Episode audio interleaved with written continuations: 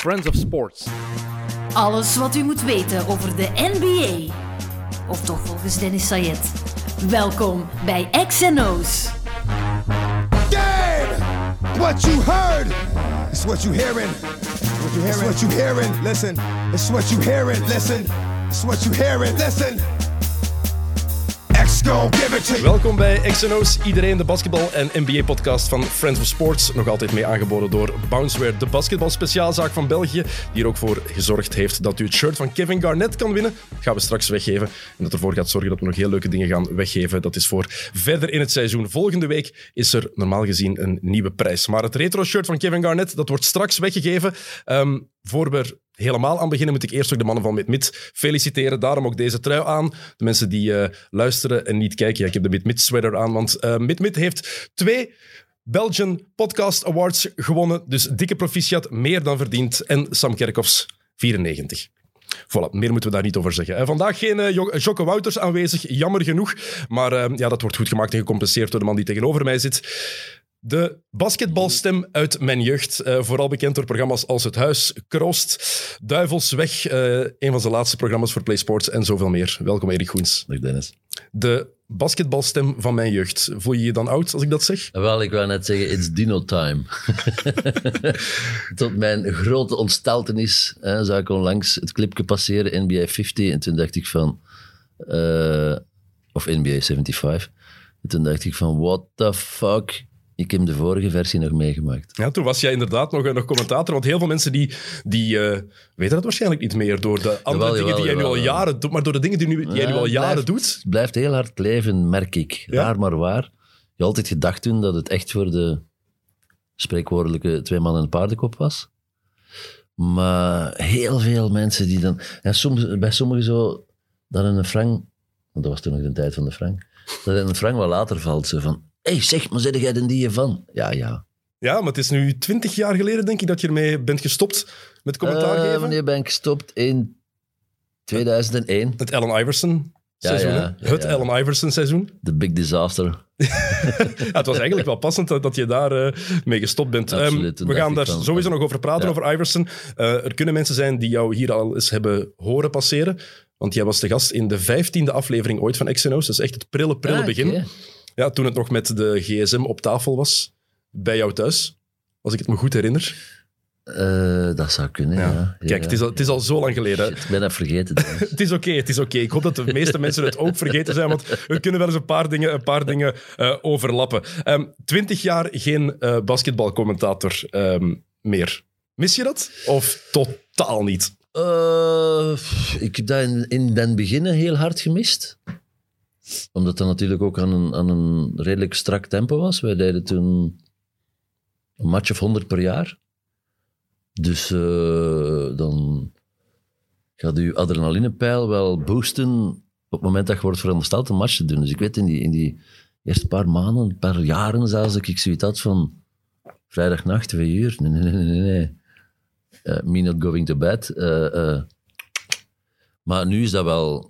Dat is wel weg natuurlijk. Het zou, dat zou nog aan mankeren. Maar ik... eh, Het was, het was een beetje een ander tempo. ik eh, ja, pas op. Allee, ja, nee, het, was, het, is, het is niet de craziness die je vandaag hebt, want dat is, dat is, is gewoon waanzin bij momenten dat je denkt van, hallo. Ja, je kiest er ook zelf voor om een miljoen programma's te maken, natuurlijk. Hè? Je wordt daar niet toe, toe verplicht. jawel, jawel, jawel. het, is, het is iets minder dan een miljoen, Dennis. maar- maar je bent, je bent uh, omnitegenwoordig. Maar ja, over basketbal. Het ding is, je hebt effectief een grote en een, een blijvende indruk nagelaten, denk ik, op heel veel mensen. Zeker van mijn generatie. Ik ben geboren in 1985. Ja, ik heb jou, pour la petite histoire, ik heb jou ooit aangenomen bij VTM. En het eerste wat je tegen mij zei is, ik wil eigenlijk NBA-commentator worden. En toen dacht ik van, wat heb ik nu aangenomen? Het- Weet je nog wat het eerste was wat jij daarop tegen mij zei? Oei, shit, dat ben ik vergeten, hè? Jij zal nooit sportjournalist worden. Oh, boy. oeps. Echt? Maar ik denk dat je erbij gezet hebt, jij zal hier nooit sportjournalist worden. Dat kan ook wel bij VTM doen. Ja, nou, kijk, je moet wel... Allee, de, de Die nuance is misschien wel belangrijk. Nee, ik ben wel uw ontdekker, en Dennis. Mijn, mijn ontdekker. ja, De, de man die ervoor gezorgd heeft dat ik letterlijk niks met sport mocht doen. voor, ja. voor een jaar. ik kon solliciteren op een algemene redactie, wat had je gewild? Ja, sport. Ja, nee. heel, heel simpel, heel simpel, Erik. Sport, ja, het is... Het is een... Ja, basketbal bal is live. hè. Het is zo'n onnozel gezegde, maar het is wel zo. Het is een verslaving, hè? Ja, dat herinner ik mij ook nog, dat ik u na een maand of drie heb moeten binnenroepen om te zeggen, zeg Dennis, je bent nu een volwassene, je wordt eh, verondersteld om te werken, dus die vier trainingen per week, dat gaat niet meer, vriend, want je hebt te late shift dinsdag. En toen was het over een item met een Dennis Sayed, dat was toch zo ongeveer... Een- eh, nee, een jaar. Ik heb een jaar heb ik Ja. bij VTM gezeten. Toen heb jij inderdaad tegen mij gezegd van kijk, het is heel simpel. Ehm, je moet kiezen, ofwel blijf je, blijf je basketten.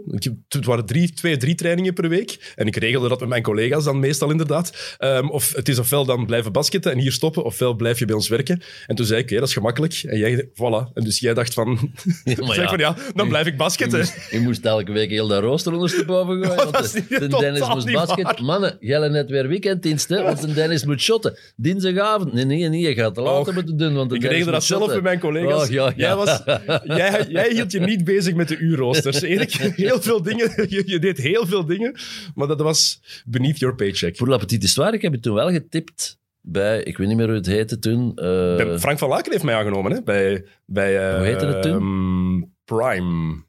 Prime Sport. Prime Sports. Heeft veel namen gehad. En daarna is Peter Ja. Ruiter gekomen. En toen is het Sporting Telenet geworden. Ik toen weet dat ik ze daar... toen op zoek waren naar een basketcommentator en toen heb ik gezegd van ja, pff, er loopt hier een rond. Ik weet niet goed wat ik er moet mee doen, want die wil alleen maar eh, op plein staan. En so it happened. Kijk, ik ben blij dat ik nog lang op het plein heb gestaan. Mijn enkels hebben daar spijt van, mijn knieën ook. Maar, Maar uw Engels gaan daar nog meer spijt van Maar- krijgen. In uw, op uw gezegende dino-leeftijd. Jongen, jongen, jongen, jongen, jongen. ja, Erik, sommige mensen kunnen dat niet opgeven. Hè? Want jij hebt zelf ook gespeeld. Ja, je bent er dat vroeg is- mee opgehouden. Dat is, zo, maar, pas op, ik heb gespeeld tot... Ik ben mijn illustre carrière nog herbegonnen bij White Star Sint-Amansberg in derde provinciaal. Dus ik denk dat ik toch tot mijn 30, 32 gespeeld heb. Maar I wish dat ik iets vroeger gestopt was als ik 's morgens eh, Ja? mijn rug voel wakker worden. Oké, die problemen heb ik nog niet. Komt nog. Komt nog. Plezant. Je zit trouwens hier niet alleen. Mensen kunnen dat niet zien in beeld De eh, vandaag. is verzekerd. Ja, kijk. ehm, Rick Goens zit er ook. Junior. Heb jij papa ooit zien basketten? Ehm, ik heb wel al thuis met, met basket, maar nog nooit in het echt, denk ik. Nee? Shotter, hè. Dat is Ja. een voetballer, hè. Maar kan hij het een beetje nog altijd basketten? Of... Pas op zo wat dat je nu zegt, klein. Ehm, Een beetje, zegt. We hebben een ring in onze tuin staan, hè. ja, maar die is kapot, denk ik. Ja. Dat is omgewaaid. Snel iets, snel iets aan doen. Snel iets Ja. aan doen. Ehm, Dan was die ovaal geworden, die cirkel. Ja. oké, dan is het inderdaad tijd, door de wind zo gevallen dan is het tijd voor een nieuwe ring. Dat is, dat is wel heel duidelijk. Doet je dat eigenlijk iets? Of betekent dat iets voor jou dat je zo de, de stem bent, eigenlijk de basketbalstem van een Tuurlijk. generatie? Want er zijn heel veel mensen die ook daar tegen mij over beginnen en die ook letterlijk zeggen van ja, Erik Goens heeft ook e- echt mee mijn basketbalmind gevormd. Want je deed meer dan enkel commentaar geven, hè? Eh, ik denk dat ik, eh, dat ik eh, vooral iets anders deed dan commentaar geven. Want de, de- er mochten nog veel, er kon nog veel verteld worden. en eh, zeker met eh illustre figuren naast mij, zoals Lucien van Kerschuiver, dag coach. Eh, en, en later Tony van den Bos, ja, dat was, dat was heftig, hè. En natuurlijk, hè, ik zal het er nog eens in wrijven, Dennis. Wij mochten toen heel veel ter plaatse gaan. Ja, jullie hadden een deal met... American Airlines. Kijk, dat is, dat is degoutant, hè? Ja, Dat is echt gewoon net ja. degoutant. 50 tickets per jaar. Retourtickets. Hè? Dus als je... Ik heb je dat al eens gezegd, maar ik zal er nog Ja, vertel het nog wrijven. maar eens. Dus zo pakweg van Brussel naar New York en dan van New York doorvlogen naar Miami en dan nog een tussenstopje in LA en dan terug over Chicago naar Brussel. Dat was één ticket. en er was toen ook een... eh, dat is allemaal verloren gegaan, hè, met al die naamswijzigingen en verhuizen. At the Buzzer, we hadden een, een weekly eh, NBA-show. Met George, George, Arundel. Ja, dus een broer van Vinnie Arundel. Ja. Zelf nog vaak tegen gespeeld. En Ja. winnaar van Expeditie Robinson geweest. Ja, ja, ja. Ook Vinnie. Arundel. Goeie basketter. mijn, mijn insteek was toen vooral, ik moet hier iemand vinden om dat te presenteren, want anders moet ik het zelf presenteren. Ja, en dan kon ik niet on the road gaan. Ja, oh, ah, zo deed hij dat. Ja, dat zal wel zijn. Heel mooi. Met George Arundel nog altijd... Wat heeft hij nog meegespeeld? Acteur in, in een bepaalade Zo'n politieserie. stad.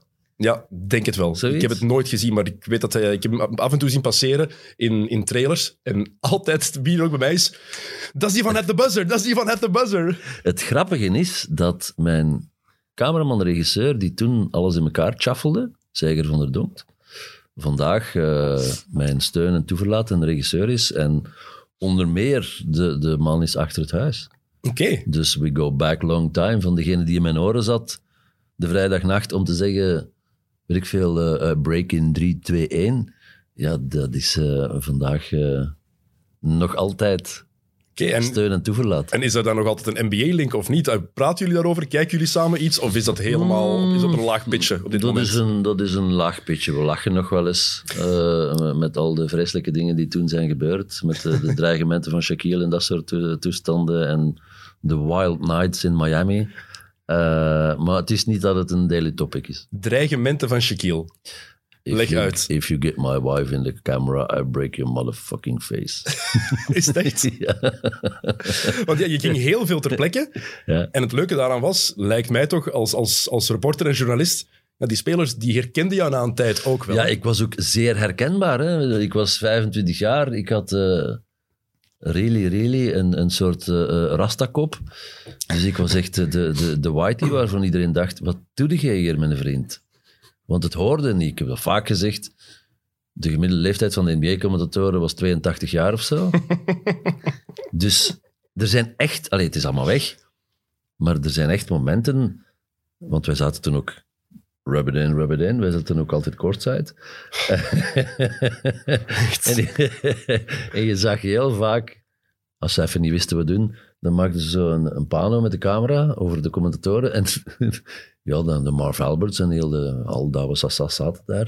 En als die camera bij mij kwam, dan, dan zag je hem vaak zo stokken. Zo van, oei, er zit daar nog een met een koptelefoon op zijn hoofd. Maar de- de- nee, nee, dat klopt toch niet. En, en daardoor viel ik geweldig op als ik in de kleedkamer kwam bij die gasten. Die hadden echt zoiets van, hey Whitey, what you doing here? En dan had ik ook nog een cameraploeg mee en begon ik ook nog aan mijn tante vragen te stellen. Dus dat was... eh, Had je een cameraploeg mee of was het ja, een ja, ploeg ja. van in Amerika? Nee, nee, nee. Dus jullie gingen effectief zoveel keer per jaar? De zeger, hè?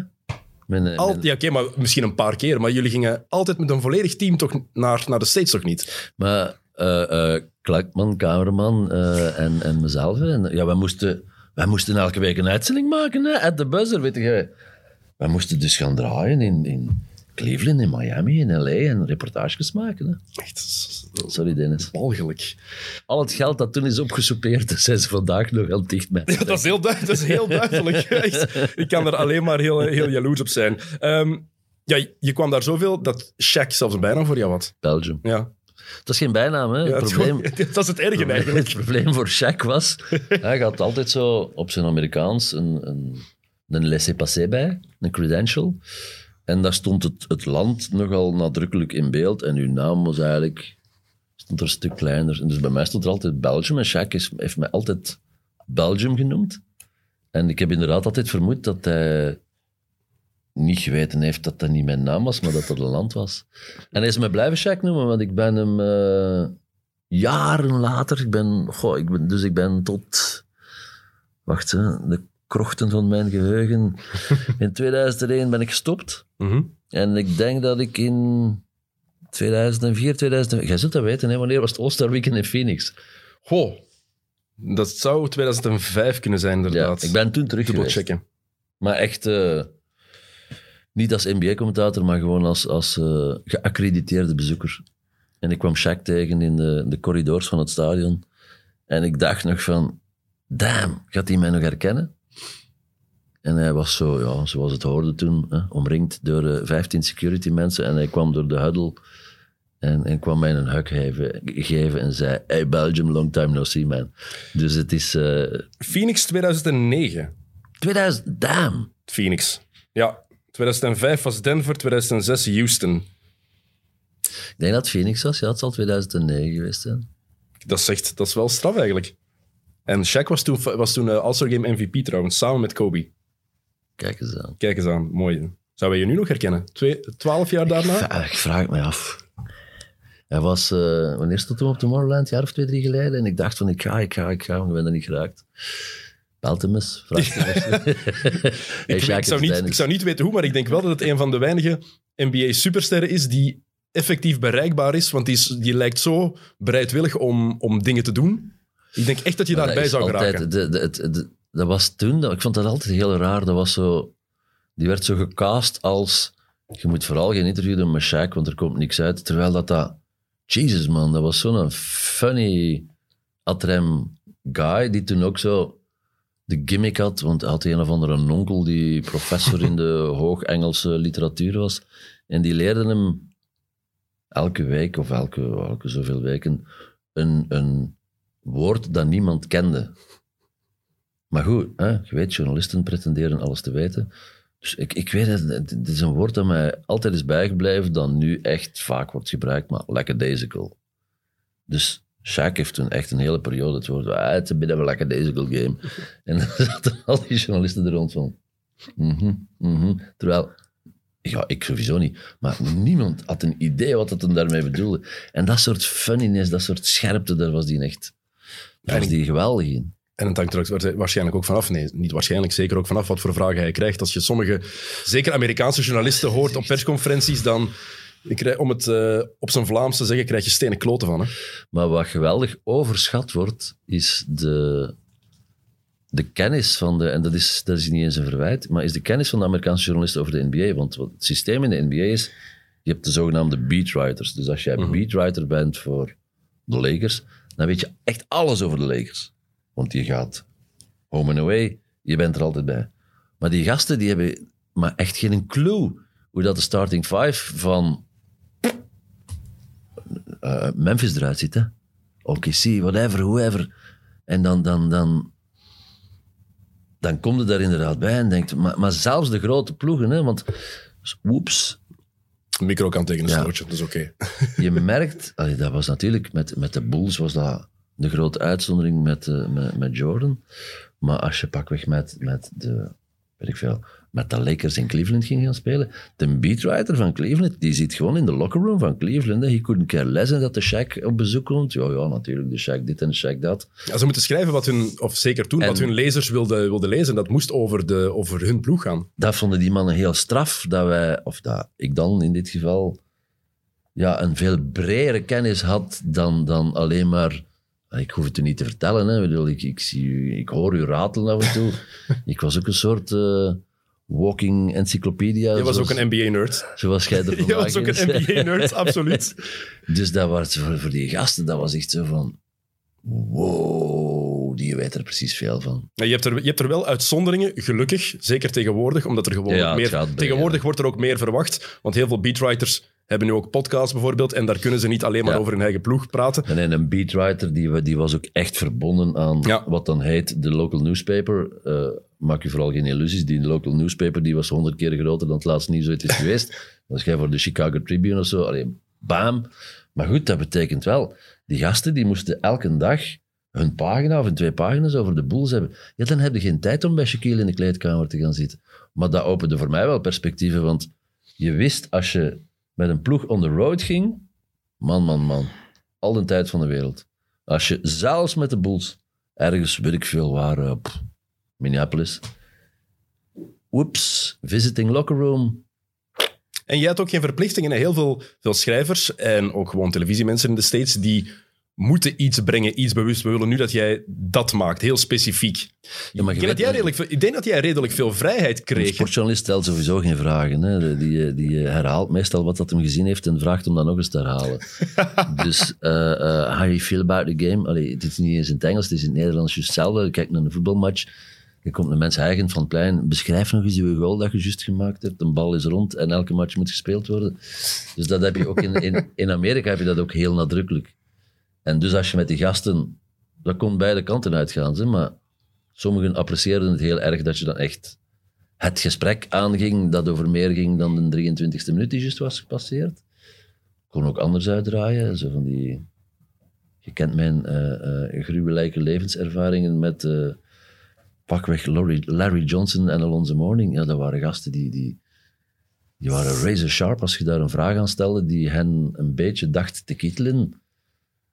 Ja, dan krijg je net geen saflet tegen je bakken. Hè. Dus het was, het was niet altijd even. Maar bijvoorbeeld een gast als Shaquille, bijvoorbeeld een gast als Michael Jordan, ja, die vonden dat cool om eens over iets anders te mogen klappen dan, dan de quotes dat ze al 400 keer hadden En je gegeven. merkt dat ook vaak als je, als je voetballers interviewt. Heel veel, zeker Rode Duivels, die De vraag houden, maakt ook niet meer uit, hè. die maar lopen die, hou- die vanzelf houden, al maar leeg. die houden van de NBA bijvoorbeeld, heel veel voetballers.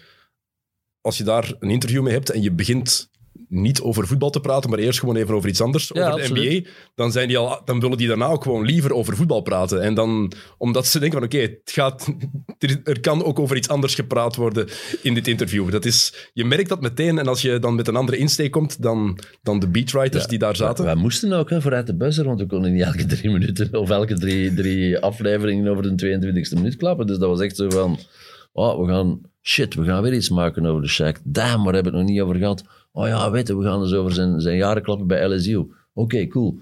Dan kwamen we die kleedkamer binnen en we begonnen bij Shaq over LSU en die had zoiets van, wow. Mhm. En dat heb je nu al meer. Heel veel, zeker bij ESPN, ehm, bij, bij The Ringer, bij The Athletic, veel journalisten die wel proberen om andere invalshoeken te zoeken. Er zijn er ook gewoon zoveel nu. Zelfs Ja, in het reguliere seizoen heb je op, zoveel er reporters. er toen nog al waanzinnig veel, ze, want de credentials werden echt geweigerd, omdat er gewoon... Maar vooral in, vooral in de playoffs, hè. dan is het echt totale waanzin. de finals is... toch vaak tijdens, tijdens competitiewedstrijden ook dat ik dacht van regular games. What the fuck, wat voor een hoop volk zit hier, man. Want als je dan echt zo, weet ik veel, een, een, big time game had en je kwam in, in, in, de, in de locker van, van, van de Bulls, ja, dat je soms dacht van, man, er is een- ik weet niet of het nu, nu nog zo is, maar er is een tijd geweest dat die een tweede locker room hadden. Hè? Echt om... Want Het is nog altijd hoor. In heel veel, in heel veel eh, kleedkamers is het nog altijd zo. Dus je hebt de eerste, de grote, de ruime kleedkamer, waar de journalisten ook Ja. binnen mochten. Want ik weet niet of het terug mag eigenlijk. Sinds corona. Ja, het ja, mocht niet. corona zal Maar een goed, perfect Ja. excuse geweest zijn om er eindelijk mee te stoppen. want Maar dan was er inderdaad- natuurlijk een scheidtekel aan dat er iedere keer... eh, Tuurlijk. Tien minuten na de match ben je nog niet gedoucht en dan st- staat daar honderd man binnen met hun camera's. Maar dat was er inderdaad een En- tweede en- kamertje waar ze binnen konden. En nog straffer, voor de match. Hè. Hm. Tot drie kwartier voor de match had je drie kwartier lang players availability. No escape, want als je er niet waard 10.000 dollar boete, denk ik, was het toen. De tweede keer was 100.000 dollar boete en de derde keer was schorsing. Is echt? Dus die gasten moesten er zijn. Die hadden er zelf een, een hekel aan van hier tot in Tokio, maar goed. Het hoorde erbij. Eh, ja, het, en het heeft het ook zo populair gemaakt. Omdat Natuurlijk. je ook voelde als fan dat je die een access kreeg. Ik heb dat al vaak gezegd, dat je... Dat je allee, in mijn geval dan... Ik had makkelijker een interview met Michael Jordan of met Shaquille O'Neal dan met Mark de Griesen of Gilles de Bilde. Dat is totale waanzin. Hè? Ja, maar dat is, Ik denk dat het vandaag nog zo is. Ja, maar ja, want je hoort in het voetbal ook, als je dat nog maar zou opperen, dan stijgen ze allemaal. En nee, niet, de kleed- niet in de kleedkamer, dat is heilig. En nu laten ze hun eigen social media teams gelukkig al binnen. Daardoor krijgen de fans toch iets te zien. Dat is al een stap. Ja, ja, maar er zit toch een soort arrogantie in die ervoor gaat zorgen dat het nooit op dezelfde manier dezelfde beleving zal krijgen. Want het zijn inderdaad die, die locker room snaps en, en die het maken, die, die, die sport heel dichtbij hebben gebracht. En die, eh, gaat het, eh, stem van mijn jeugd, waarvoor dank, Dino. Eh, maar dat was daardoor wel een soort product wat, wat heel veel jonge gasten begeesterde. Want plots ja, kreeg je iets te zien. Vandaag is dat wel zo. Ze proberen wel van de Ronaldo's en de Messi's van deze wereld. Het is ook gelukt om daar icons van te maken. Maar de echte iconen zaten toen over de plas. Want die spraken tot de verbeelding.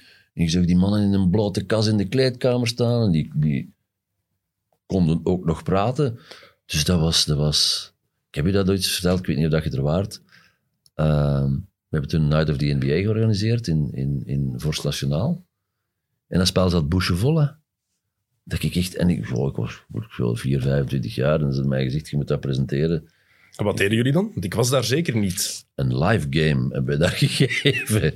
En eh, die Kemme Mutombo als, eh, als VIP-gast op, op het, het podium. En de Laker Girls waren aanwezig. Dus de, je, moet het, je moet het voor je zien. Hè. Je staat in Vorst Nationaal, je komt een live match binnen. En iedere keer dat een time-out komt, up, de Laker Girls op uh, on stage. Nee, nee, En that's it, hè.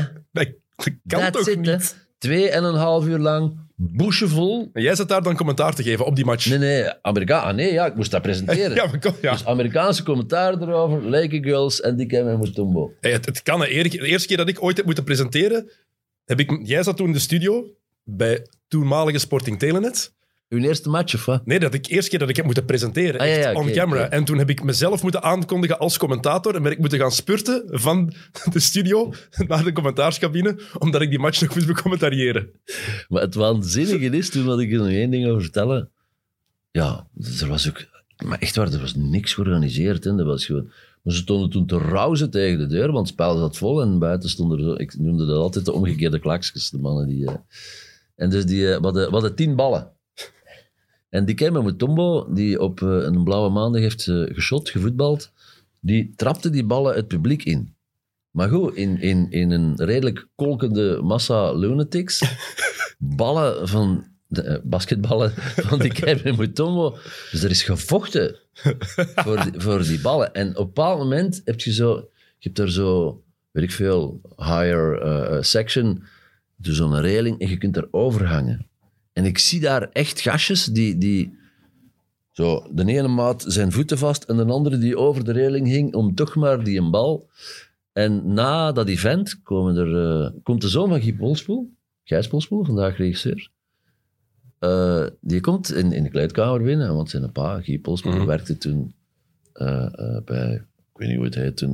Kan plus waarschijnlijk. Filmnet Plus. Filmnet, waarschijnlijk, of, of Supersport, whatever.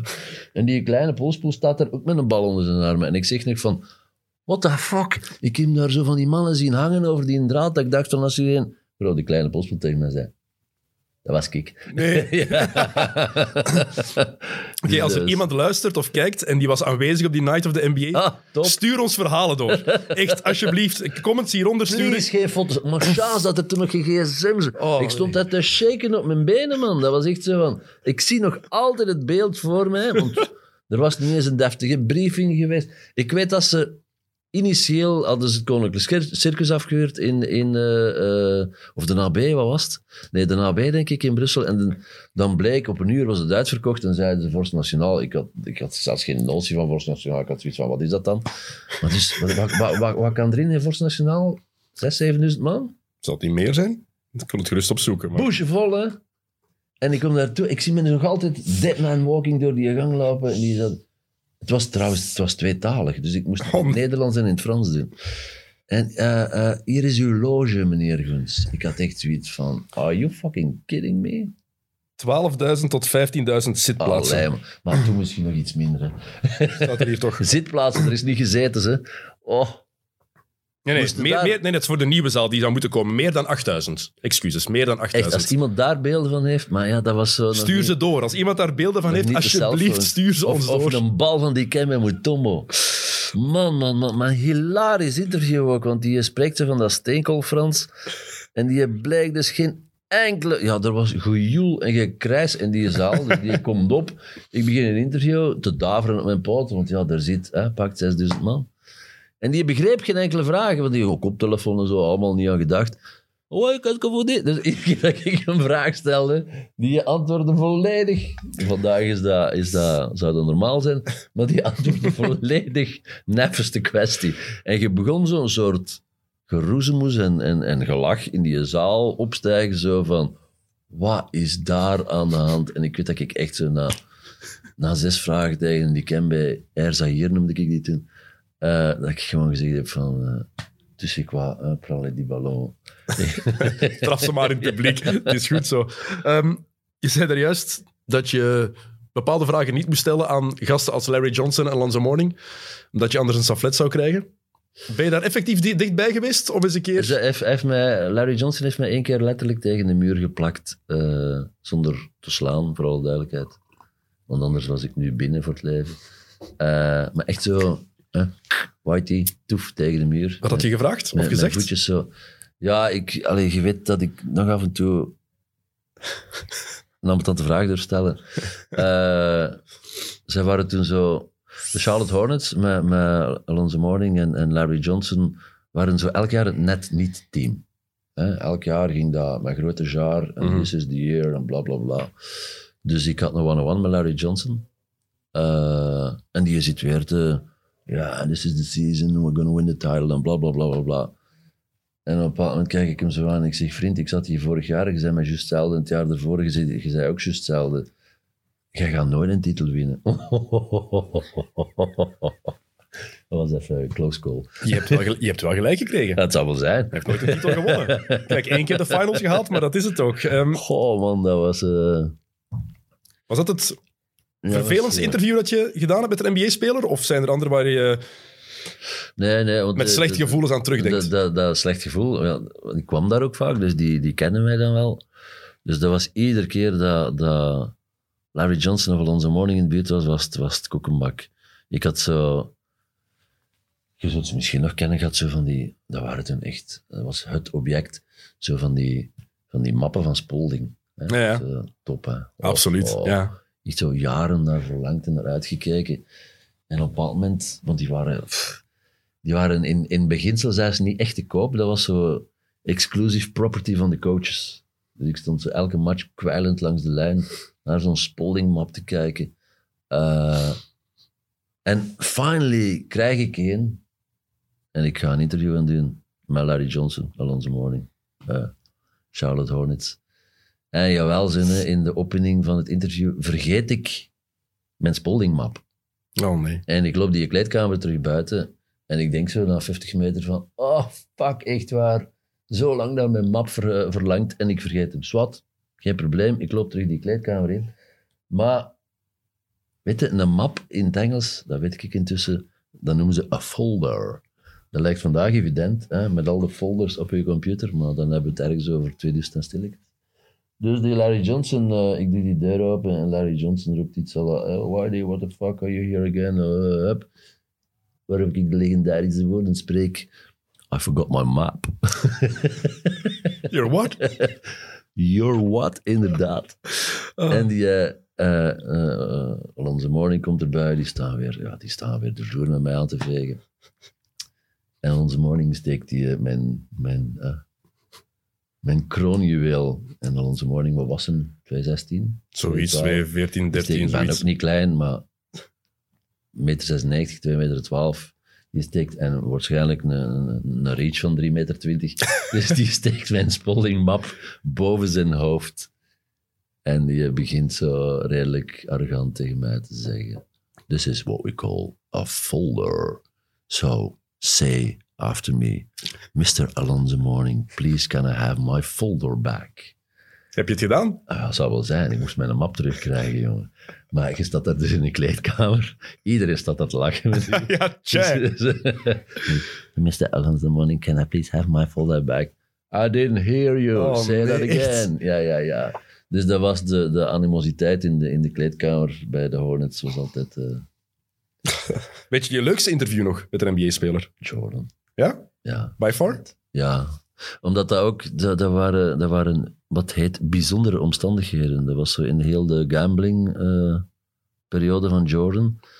En ik zei net... eh, dat De ze- eerste periode was het echt. Ja, dat ze de verplichting hadden om de pers te woord te staan. Mhm. En Jordan had daar, de Jordan Rules heet in het boek, maar hij had er ook zijn Jordan Rules toegepast. Ik denk dat hij toen één of twee keer niet in de kleedkamer is verschenen en toen ook effectief een boete heeft gekregen. En toen echt zo tegen de hiccup stond van vriend, als je nog eens komt, ga je geschorst worden. Ja, allee, laten we serieus zijn. We gaan Michael Jordan toch niet schorsen omdat hij geen interviews gaf. Dus wat had hij erop gevonden? Die zat in de kleedkamer met zijn headphones op. En dus iedere keer dat een Amerikaans... En de, die Amerikanen wisten dat, van... niet te dichtbij komen, want de mic klapt niet meer met ons. Er zijn dus zoveel verhalen gekomen. Een bepaald moment zelfs geschreven dat zijn pa eigenlijk vermoord was om zijn gokschulden af te lossen. Van... Ja, het- er is ook de urban legend dat hij niet op pensioen zou zijn gegaan, maar geschorst is voor anderhalf jaar omdat hij te veel zou gegokt hebben. Wat Ja, ja. natuurlijk onnozel is, want de te veel je gaat je gokken. grootste cash cow niet buitenspel zetten. Ja, maar te goed. veel gokken. Oké, ja, die speelde er waarschijnlijk wel eens 10 miljoen door op een avond in Las Vegas. So what the inderdaad. Maar dus die zit daar in de kleedkamer met zijn koptelefoon op. Weigert elk interview, zelfs zonder eens te vragen. Ik kom binnen met mijn cameravlug. John zet zijn koptelefoon af en zegt, have a seat, my friend. Let's go. Echt. En ik begin dat interview te doen en Je zult het altijd zien in, in kleedkamers. Er beginnen Amerikaanse journalisten een microfoon onder te steken. En Jordan kijkt zo naar een van die Amerikaanse journalisten en zegt van... It's not for you, this is for my Belgian friend. En we hebben daar toen 20, 25 minuten een interview gedaan. Dat was steengoed. Alsof hij zoiets had van... Want er stond heel veel volk rond. zo van, mannen... Nu gaat het te zien zijn. Dikke vinger, bekijk het De, maar. De Jordan klapt wel. Ik zal eerst een en het ander vertellen. Top interview. Maar allemaal weggesmeten. Echt waar. Dat is zo... Oh. Allee, ik ga niet zeggen dat ik mijn eigen reeks had kunnen maken. eh, maar tegelijkertijd lag er zoveel materiaal bij de opeenvolging aan Filmnet Plussen, Supersporten, eh Canal Plus, Prime. hè, de, de, er is geen zender met meer namen geweest. En ik heb me laten vertellen... Dat is echt waar. Heet het vandaag? Play, play sports, kom. Eh, ja, ik heb me laten vertellen dat bij een van de 37 verhuizen, dat er op een bepaald moment een call is gemaakt van oké mannen, die cassette van de voetbal, oké, mij pakken. Ja, de cassette van de basket. Gelukkig, Erik, serieus. Er is wat Ik, overgebleven. heb- ik ben heb veel gered. En Raf Sola vermelde, een van de eindredacteurs van, eh van Play Sports op dit moment ook. Die heeft... eh, ik ben heel veel naar de Manhattan geweest. In Leuven is dat. Daar was het, eh, was het archief. En de tapes die er nog over waren... We hebben er heel veel van gered. En ik heb, er nog, ik heb ook een zak nog vol staan met nog oudere tapes van tussen 93 en 6, 97. Maar dat, is pas, dat zijn nog oudere tapes en daar is een speciaal soort... Maar dat zijn VHS'en dan. Nee, nee, nee. Echt de... Wat zijn het? Geen VHS'en, maar de Maar speciale, is er- de is er professionele iets- Is er banden. iets overgebleven van At the Buzzer? Ik denk het wel. Maar Oh. dat, moet ik eens, dat moet ik eens bekijken. Ik denk, ik denk dat we nog wel iets in ons digitaal archief hebben. En ik heb zeker nog een hele zak met tapes, maar wij kunnen die niet inladen. Want eh, de machine om dat in te laden, Ik heb dat. je vindt dat bijna niet. Kijk, ik zal ze... eens heb mee- dat. Kijk, dus we kunnen het... Voor het huis moeten wij namelijk heel veel digitaliseren. Wij zijn de grootste diga- digitaliseringsservice van Vlaanderen. Dus alle soorten tapes kunnen bij ons Want ik weet, er is bij, waar Play Sports is, bij, nu is het EMG zeker, het vroegere Videohouse. Ja, het vroegere Videohouse, maakt niet uit, totaal niet interessant voor de mensen die luisteren. Daar kan je bepaalde tapes inladen, oude, maar niet die van voor 1905 of 96, denk ik. Dus buzzer- ik heb thuis- buzzer, dat was echt, elke week was dat zo Ja, ja. headliners. En deze week hebben we een interview met Dennis Rodman, met Michael Jordan, met Charles Barkley. Allee, met, dat met, was dat, niet... met dat grafiekje ook, het uh, generiekje met die, eh, die, die, die vierkantjes die zo rondgingen. Ja, ja, ja, ja, ja. Dat, dat was de look van Canal Plus Ja, toen. Hè? ga ik nooit vergeten. Dat is echt... Ja, ja, absoluut. Dus die tapes, er kan nog iets van, eh, van gemaakt worden, Erik. Ik zal, ze- ik zal ze eens aan jou bezorgen als Stel ik daar voor toestemming voor krijg. Jordan, of dat één, want ik denk dat Jordan zal toch wel een keer of vier, vijf zijn opgedoken. Je, je hebt echt ook geen idee hoe jaloers je mij daarmee maakt. echt Maar waar. Jordan zal toch wel een keer of vier, vijf zijn opgedoken. Oh. Jordan zal toch wel een keer of vier, Langs de andere kant, ze zeggen ook altijd dat je, dat je je helden eigenlijk niet mag ontmoeten. Dus Jawel, misschien jawel, is het... Nee, nee, maar dat is een Echt? magere troost, Dennis. In het geval van Jordan geldt dat niet. Ja, zwijg, echt. echt. Ehm, En zal ik, maar ik zal nog wat Allee. schepje opdoen. hoppa. Want waarom zit ik hier? It's dinner time. Eh 75 jaar NBA. Dus bij 50 jaar NBA... Maar allee, het is waanzin, want op dat moment beleefde dat ook allemaal niet zo. Hè? Dus je hebt de, de regular interview room, waar de spelers altijd zaten. En wat hadden ze bedacht voor 50 jaar NBA? Ik denk op twee of drie gasten na leefden die toen nog allemaal. Mhm, Ja, All elephants in the same room. met die jasjes. Yep. All-Star Game in Cleveland. En ik kwam daar binnen. En ik, ja, er zijn er natuurlijk een hoop dat je niet kent. Ik weet dat ik eh, eh, op een bepaald moment bij een passeerde, Kiki van de Wegen. En ik dacht van, hmm, klinkt er eigenlijk Vlaams. Dus ik zeg, eh, heb jij gespeeld? ja, ik heb gezegd, ja. Was Staat er nog bij nu bij de... Dat is een goede vraag. Het zou moeten, want alle, iedereen stond die bij de 50 zat, zit bij de, Ja? bij de Nee, dat kan 75. niet. Maar ik weet niet dat hij bij de 50 zat. Hij zal er misschien gewoon geweest zijn, maar ik weet niet of hij bij de Ik 50 denk wel zat. dat hij bij de 50 zat.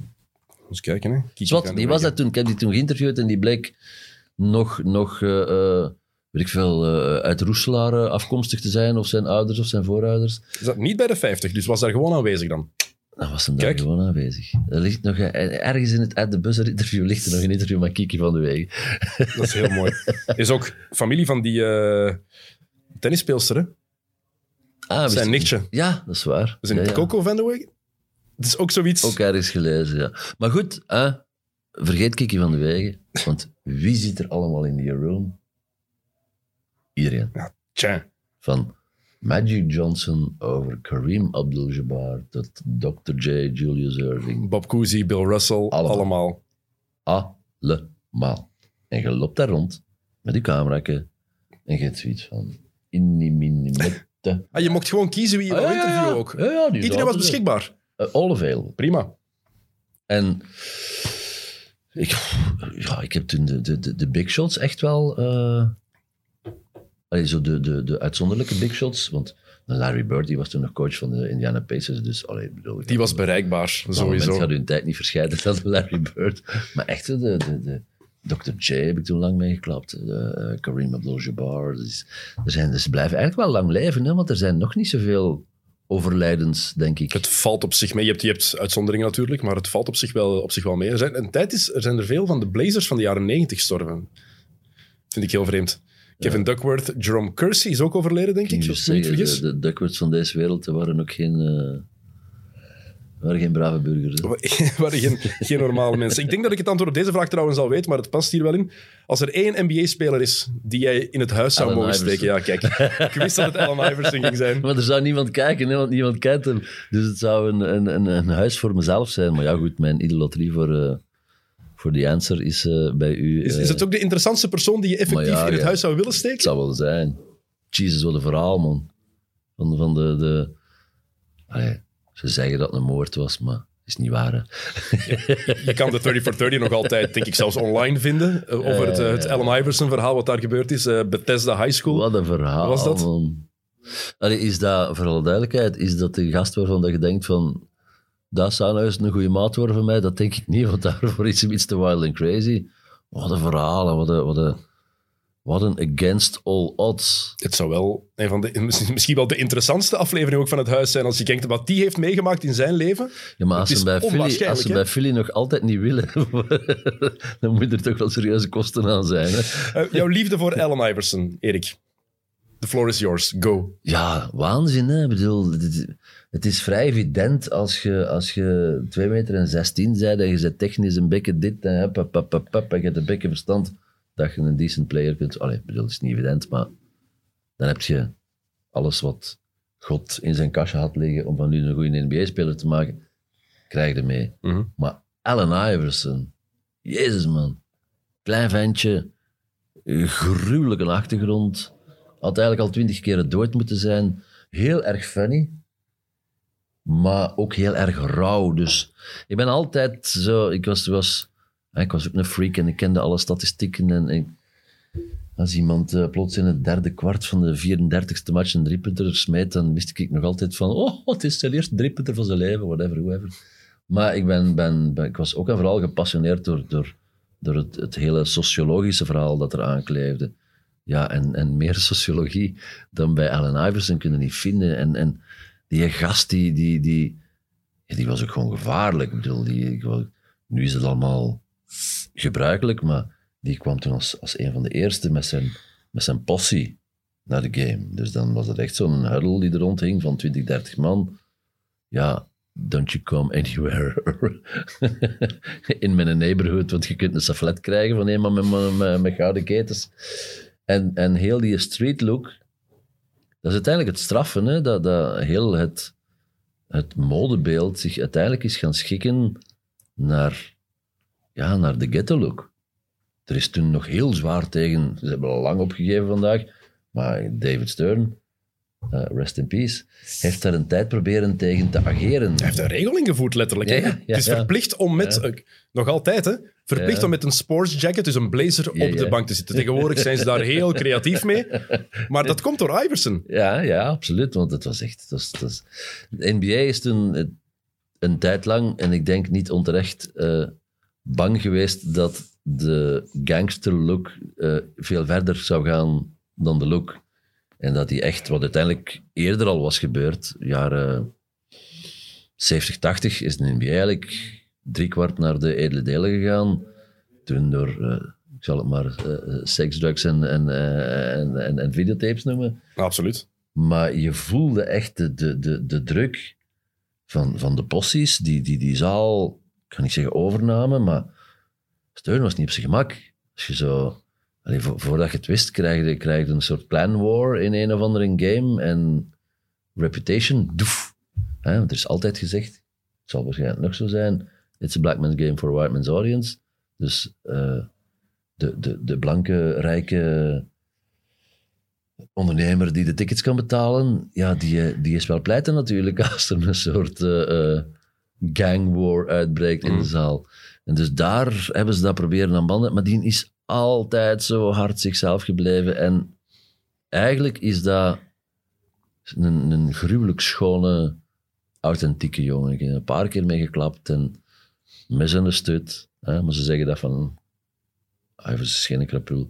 Maar ze zeggen dat van elke krapul, misunderstood. Maar in het geval van Iverson was het echt wel waar.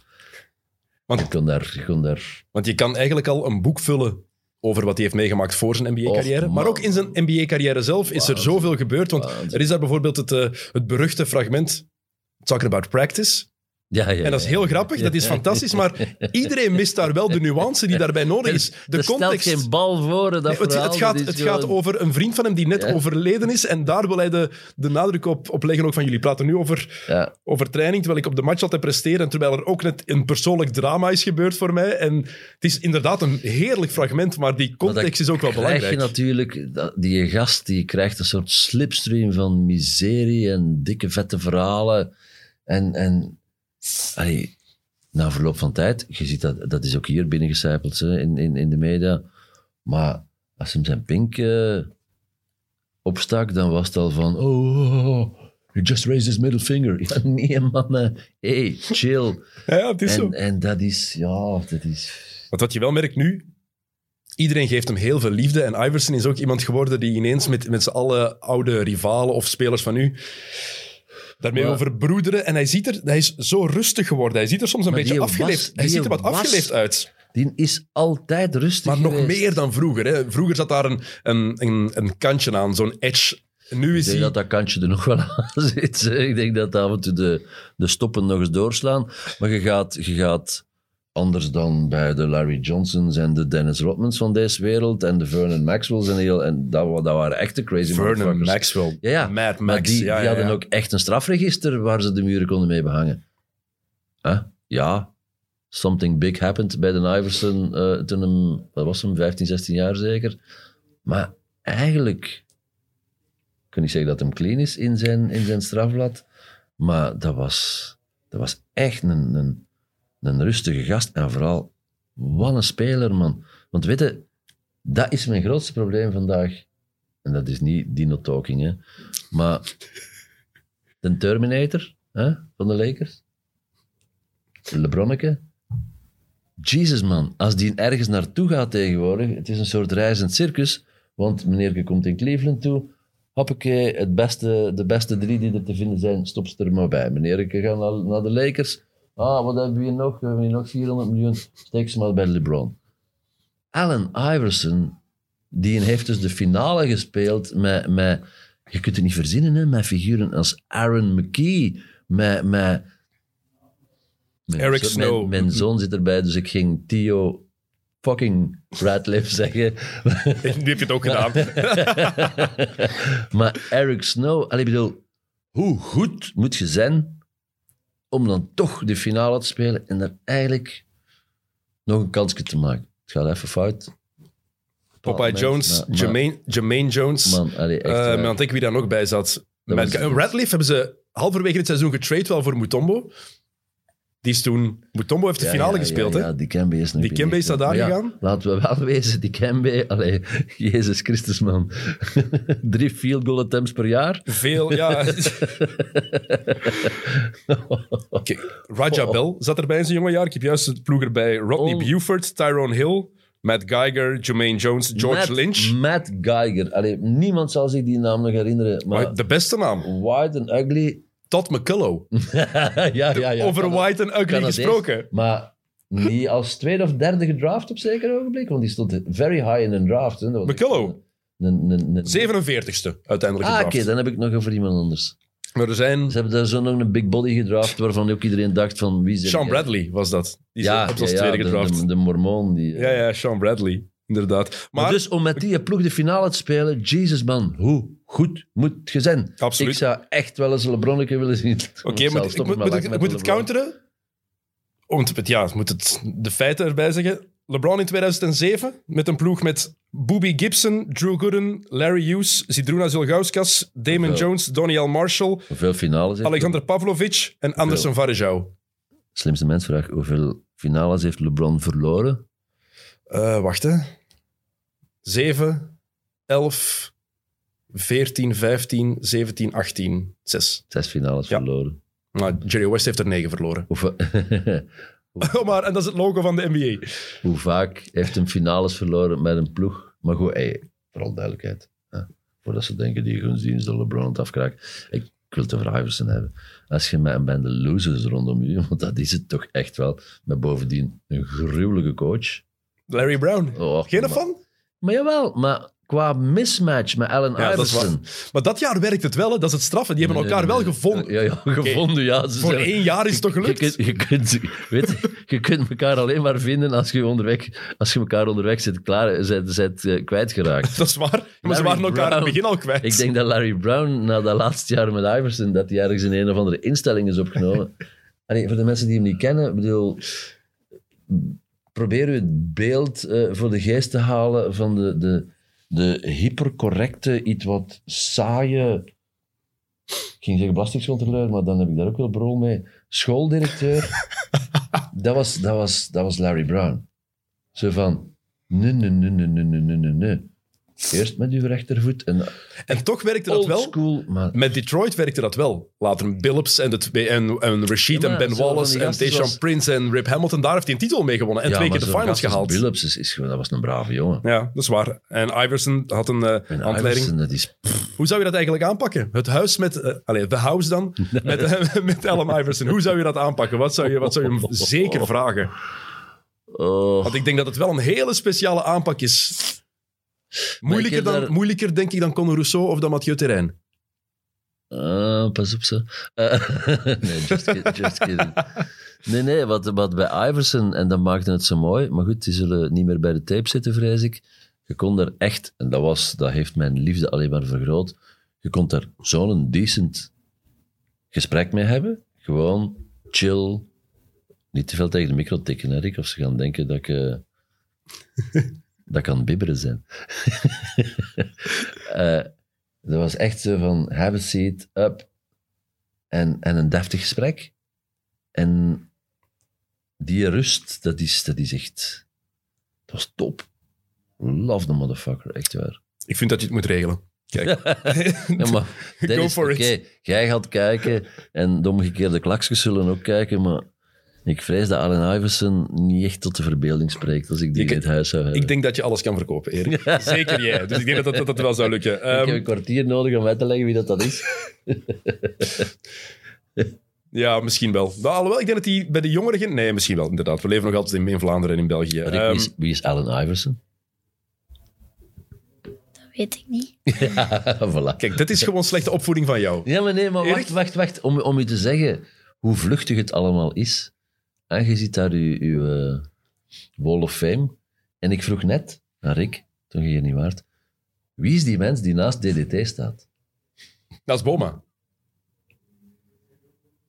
Naast de, sorry, naast Boma. Ja. Amai. Wie is de mens die naast Boma staat? Nee? Weet, Dus, eh, weet je het nog? Keeper van België. Ja, ja, omdat ik het u gezegd heb. Hè. En hoe heet hem? Eh, het is...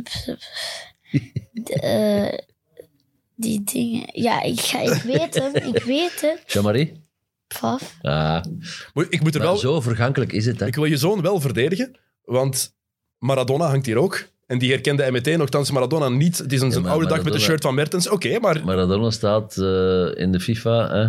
Jean-Marie Pfaff staat in de ploeg waar geen van ons beiden nog mag mee spelen. Want dan krijg je sowieso op je donder, omdat al, al die algjes zitten rond de 95. Als je, als je een ploeg hebt met Maradona, Pelé en heel de nest. Ze worden wel wat moe na minuut 60, maar meestal staat het dan al 5-0. Dus daarom kent hem Oké, maar dan nog. Diego Armando Nee, Maradona. maar ik heb er nog wat gehoord. hoor. En YouTube eh, waarschijnlijk, hè? Ja. YouTube bestaat ook. Maar weet je wat het lot is? Dat de mens die naast Maradona staat, Kevin De Bruyne, Mhm. Over 20 jaar of zo zit Rick hier met zijn zoon en is hem aan het uitleggen wie dat die kleine Rossen is, die daar glimlachend bovenuit steekt. Om je maar te zeggen, Hoe relatief het allemaal is. Natuurlijk. Absoluut. En, en ik denk dat je, zelfs een Michael Jordan, hè, als je die dan al lost op de mer in Antwerpen, denk het niet, hè. Ja, jij wel. Jij, Nee, ik, zou, ik, zou er, nee, ik zou er niet naartoe gaan. Nee, echt niet. Nee, nee, je zou er niet naartoe gaan, maar je zou wel, eh excited en wel zeggen van wow, wow, wow. Ja, absoluut. Het is Michael Jordan. maar LeBron, zou, LeBron James nu wel natuurlijk. Kees is nog actief. Maar ja, ik vraag me dat eigenlijk af inderdaad. Als Michael Jordan zou rondlopen. Het is natuurlijk wel iemand van een meter 96 wow, met een stevig karuur. meter 96, dat is... Ja, maar draagt ook een tent, altijd heeft speciale broeken, die, die tenten nog altijd aan. Doet hij nog altijd die in oversize? Dat is echt niet normaal, ik, ben er, ik ben ervan afgestapt. Ja, gelukkig. De kledij van Erik Goens is ook... Ik weet niet of dat op YouTube te vinden is. Maar echt, allee. Ik ging ten eh, shoppen bij de Big and Tall in Ja, maar jij vergat, jij vergat die kapstok er- eruit te halen. Hè? Daar Nee, er nog boy. altijd in. Hè? Die, Nee, die kleerhanger die zat gewoon Dat nog altijd bij je schouders daar. Hello, Mr. Big and Tall. I'm looking for a quadruple XL. Echt, dat was geniaal. En dan stond Lucia van Kerschaver daarnaast. Dat was heel goed. Ehm, ben jij eigenlijk ooit starstruck geweest? Ik heb één herinnering van jou waarvan ik weet van, dat je daar toch van onder de indruk was. Je hebt er niet mee gepraat toen, maar hij passeerde.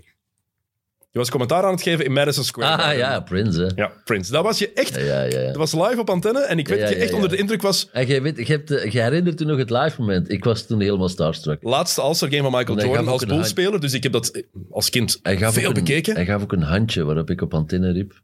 Hij heeft mij dus een hand gegeven, ik kan nooit meer mijn handen wassen. Prince komt hier juist voorbij gewandeld. Helemaal in extase. Ja, ja All-Star Weekend in Minneapolis. Was dat dat geweest? Dat was, in, was, dat was, was, het niet, 92? was het niet in eh, Madison Square Garden dat hij aanwezig was, Nee, nee, denk ik, in nee, 98. Als ik het mij goed herinner, want dat is het All-Star Game dat ik zoveel bekeken heb. Dus ik denk dat hij daar aanwezig was, omdat het Jordans laatste All-Star Game was voor hij op pensioen ging gaan. Ik denk, daar was toen de hele beau was daar aanwezig van, van Hollywood en van de muziekwereld. Ja, want iedereen geheugen is wilde... een vies beest, want ik heb het altijd gelinkt aan Minneapolis, omdat hij daar woonde natuurlijk. Nee, het was in, ik ben heel zeker dat het in Madison Square Garden Ah, was. Kobe, het eerste All-Star Game van Kobe. Het laatste van Michael Jordan als speler van de Bulls. En omdat iedereen wist, Jordan gaat ermee ophouden. Damn, ik moet aanwezig? corrigeren, want ik, weet, ik herinner me inderdaad nog, ik weet zelfs nog wat ik toen geroepen heb op antenne. Ik weet dat achteraf een paar mensen zoiets hadden van, wow, maat. Je durft wel eens enthousiast worden, maar dit was er wel heavily over. Ja, wat wilde? Prince stond voor mij. Dat de enige keer dat je echt starstruck bent geweest? Ja, ja, ja. Ja, ja omdat dat ook... Allee, dat was zo echt nog Mhm. in, in de hiërarchie van goden. Next level. Oh, dat is... Ja, ik had dat, wanneer was het? Vier jaar geleden ben ik naar de finals geweest eh, met Thomas van de Spiegel. En in San Francisco stond ik achter iemand, maar ja, je staat erachter, je ziet enkel de rug aan courtside voor de match. En ineens komt er iemand naartoe en die haalt een, houdt een gsm. Een vrouw houdt een gsm voor zijn gezicht. En hij is van, ja... begint zo te- Dus die vrouw heeft die gsm nog vast en hij is daarop aan het tippen. Jack Nicholls. Heel vreemd. Nee, komt er ander aan, andere vrouw, andere kant. En die houdt de gsm tegen zijn oor. Bleek P. Diddy te zijn, Puff Daddy. Jezus Christus. Dus die heeft twee assistants op de bellen of zo. Ja. Hey, hallo, wanna make a Ja, call? echt? Oké. En dan komt hij nog eens af en nee, gewoon weg. Nee, nee, nee. Dus eigenlijk sinds corona belt hij niet meer. Waarschijnlijk, waarschijnlijk niet. Of met handschoenen aan in zo'n volledig, in zo'n volledig pak. Ja, een legendarische ontmoeting ook in... in eh, speelden ze het nog in het Forum of was het al... Ik weet het niet, maar het was, het was bij de Lakers. Ehm, en ik ging met Lucien courtside zitten, Lucien Kerschaver. Ik ging zo anderhalf uur voor de wedstrijd. Hè, toch eens courtside zitten, ze waren warming-up, was al bezig. En op een bepaald moment eh, komt er iemand op, op eh Lucien zijn schouder. ik, I think you're sitting on my seat. Jack Nicholson. Echt? Heerlijk. Dus de Lucien zat op eh, de courtside seat van eh, Jack Nicholson. We hebben hem toen een hand gegeven. Hele vriendelijke man. Terecht. Ja, en toen was ik ook wel een beetje starstruck. ja, coach van Kers. Er is één heerlijk verhaal dat daar de ronde doet van, Oei, oei, van trips oei. met jou. Nee, nee, het Ik, is, ont, ik ontken. nee je, hebt, je, hebt er zelf, je, staat, je hebt er niks mee te maken zelfs. Maar het is Oké. wel een tijdens de finals was hij eens met jullie mee. En ja, natuurlijk, legendarische coach in België. Heeft zo, tegen zoveel Europese topploegen gespeeld. Onder andere ook gecoacht tegen een ploeg waar Tony Kukoc speelde. Tony, Tony. Ja. En hij stond op de derde rij of zo. En Tony Kukoc op het veld en hij was aan het roepen: Tony, Tony, it's Lucian. Ja, Tony Kukoc wist natuurlijk van toeten nog blazen. Dat is niet waar. Dat is niet waar. Dat is het verhaal dat eronder doet dat Tony niet wist wie het was. Ja, maar Tony kende, kende Lucien. wel. oké. En Lucien was zeker bij, die, bij de dino's van toen. Zo de Tex Winters van deze wereld. Dat was hem echt wel... eh, mee on speaking terms. Ron Adams, die toen nog up and coming was en hoopte om ooit eh eh, headcoach te worden. Eh, dus je, je merkte wel dat, dat Sabonis... Mhm. Ja, ze, ze hebben er tegen gespeeld, hè. Het, was- Het was ook gewoon een steengoede coach, hè? Ja, maar nee, maar het was ook wel... Als je dat in... in, in ja, je kunt het niet meer naar Europese termen vandaag vertalen, want de, de basket in België stelt geen hol meer voor. Maar ik kan nou niet zeggen dat, dat Lucien een soort Pep Guardiola was, maar in, in, in notoriety bij, bij, bij die basketers, dat was, dat was en dat is echt wel iemand. Dus je Ik denk dat dat nu onderschat wordt. De, de, klinkt zo'n stom woord, maar de grootsheid van Lucien van Kerschaver. toen. Ja. Dat was, het was echt het begrip in het Belgische is, ook, het basketbal. is ook een figuur natuurlijk. eh, Ook nog. En het is een presence ook. Als hij ergens binnenkomt, Wat nukkig en wat nors. maar als hij ergens binnenkomt, heeft hij ook meteen een bepaalde presence. Ja, het is, de, het, is, het is toch een soort container die komt aangelopen. Hè? Want ook zo wat moeilijk in balans op die twee kapotte knieën. Met die enkels die duidelijk 100 miljoen keer zijn omgeslagen. Uh, als Lucien ergens binnenkomt, ja, de room is filled. Hè? Ja. Dus En dat is... eh, Ik ben jaren naar zijn kampen geweest. Vanaf mijn zevende, denk ik. Ik heb ook gecoacht op die kamp. Ik ben daar 17 jaar geweest in totaal als speler en coach. En als hij... En 's morgens moesten we dan buiten verzamelen. Verzamelen was in Tongerlo, daar, het ja, ja, ja, ja. En dan ja, de eerste avond, kamp, kinderen, dus enthousiast. Hè. Je moet om tien uur in de bed liggen, maar je slaapt natuurlijk niet meteen. En als Van Kersen aankwam, goedemorgen. Goedemorgen, coach. Ik zei goedemorgen. Goedemorgen. Allemaal duidelijk luisteren. En meteen elke... begon op zondag, dat kan denk ik, van maandag tot vrijdag, van zondag tot vrijdag, denk ik, niet meer zeker, altijd hetzelfde. Pas op, You can't hebt- stay up with the owls Oh, and fly with the eagles. En het resoneerde dan over heel dat kamp. if you prepare to fail... Nee, if you fail to prepare... Oh man, nu zeg ik het nog. If you fail to prepare... you prepare to fail. Die, vra- die vraag krijgen Evert en Sam vaak van de, de Mid-Mid-podcast. Ehm, zijn jullie vrienden? Waren jullie vrienden? Jij en eh, Lucien? Of was het leeftijdsverschil daarvoor te groot? Of was dat gewoon echt collega's? groot En, en ja, vrienden. Ik bedoel, het is niet dat ik in het weekend eh, een wafel ging gaan eten met Lucien. Ik zat er al honderd dagen per jaar mee in een kot. Dus, eh, en ja, en Lucien is Lucien. Dus als, die, eh, als, de, als de wind slecht zat, of die was slecht gezien, ik, ik had wel een soort... ja, ik had een torenhoog respect voor die mens. En, en ik zag die ook wel, of ik zie die ook wel, Geire. Maar om, om nu te zeggen van... Het is niet dat je ermee op café ging. Nee, wat met, ging niet op café. wat met Tony van den Bos gemakkelijker was. Of is ja, nog altijd. is daar. Toen, toen dat Tony het is beginnen overnemen, ben ik ook de buitenkant, de buitenkant van de zalen beginnen ontdekken. Hè? Ik ben één keer met Tony naar de finals geweest. het was tof. ja. Kan ik wel zeggen. Het was tof. En hij was toen al 60 jaar. Maar Ik het was ben toch- heel blij dat zijn boek van geen kanten verkoopt. Want hij heeft, ik heb het nog altijd niet gelezen. Hij heeft mij altijd aangekondigd dat hem alle dirty secrets en, en andere wilde verhalen ging... Heb jij zijn boek gelezen? Ik, Staat ik, ik ben er een tijd geleden mee gaan eten. Hij ging het meenemen en hij is het vergeten. Dus ik wacht tot ik er één krijg. Ze hebben ons ooit gevonden in de goot in Thessaloniki. Letterlijk. Zijn het verhalen die je wil vertellen waar je zoon bij zit? Wow, die is veel gewend. Hè. ja, en wij waren gewoon... Allee, ik eigenlijk... Het was laat, we hadden te veel gedronken. Final Four, hè. Eh, en ik was zo even om het trottoir gaan zitten buiten en ik ben in slaap gevallen. Ik zie een mooie glimlach bij Rick. Ik zie een heel mooie glimlach bij je zoon. En als bijwonder zat een Tony, of een Tony Neffest mij. en de, ja, de politie is door de buurt komen om te ruimen. Nee. Dus, ja. Ik denk dat dat een enige keer in mijn leven is dat ik is geweest dat ik echt een, een dat klinkt nu heel zwaar, maar een soort delirium heb gehad.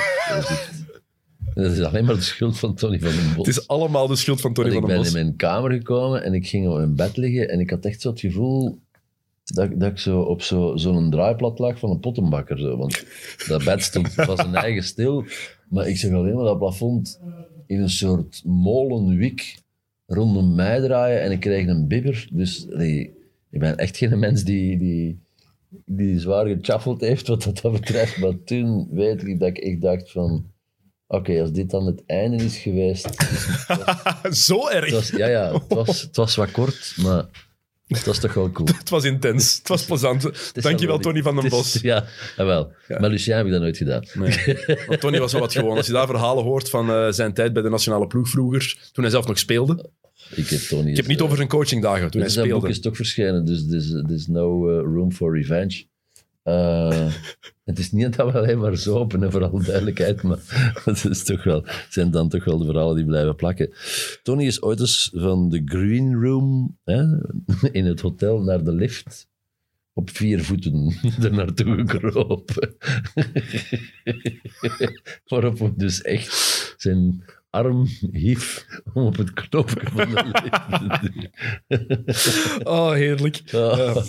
Er komt wel een tweede boek aan, heb ik gehoord. Oh shit, dat het dat niet Dus- ik, ik Tony, dat is allemaal niet waar. Ik heb dat niet gezegd. Dat is gewoon... Nee, ze hebben dat geconstrueerd. Dat is de technologie van vandaag, Tony. Eh, ik ga je zo meteen laten gaan, Erik. Eh, ik heb nog een paar eh, vraagjes nog, want we hebben nu al de hele tijd gepraat over ja, jouw tijd als commentator ook.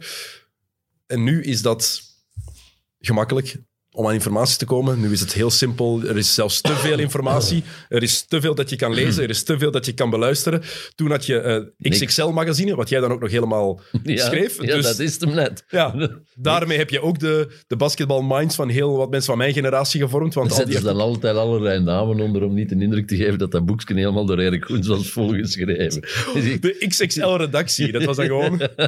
Erik, redelijk straf wel dat jij dat allemaal geschreven hebt. Eh, Daar heb ik trouwens ook heel veel eh, exemplaren van in het huis of het appartement van mijn moeder liggen. Oké. Heel veel. Want ik heb toen op een bepaald moment de switch gemaakt naar een concurrerend boekje. En het was toen... oeh, toen was het maar niks, hè. Ja, want ineens was het inderdaad ook gedaan met XXL. En ik weet dat... Ik denk dat die facturen nog altijd niet betaald zijn.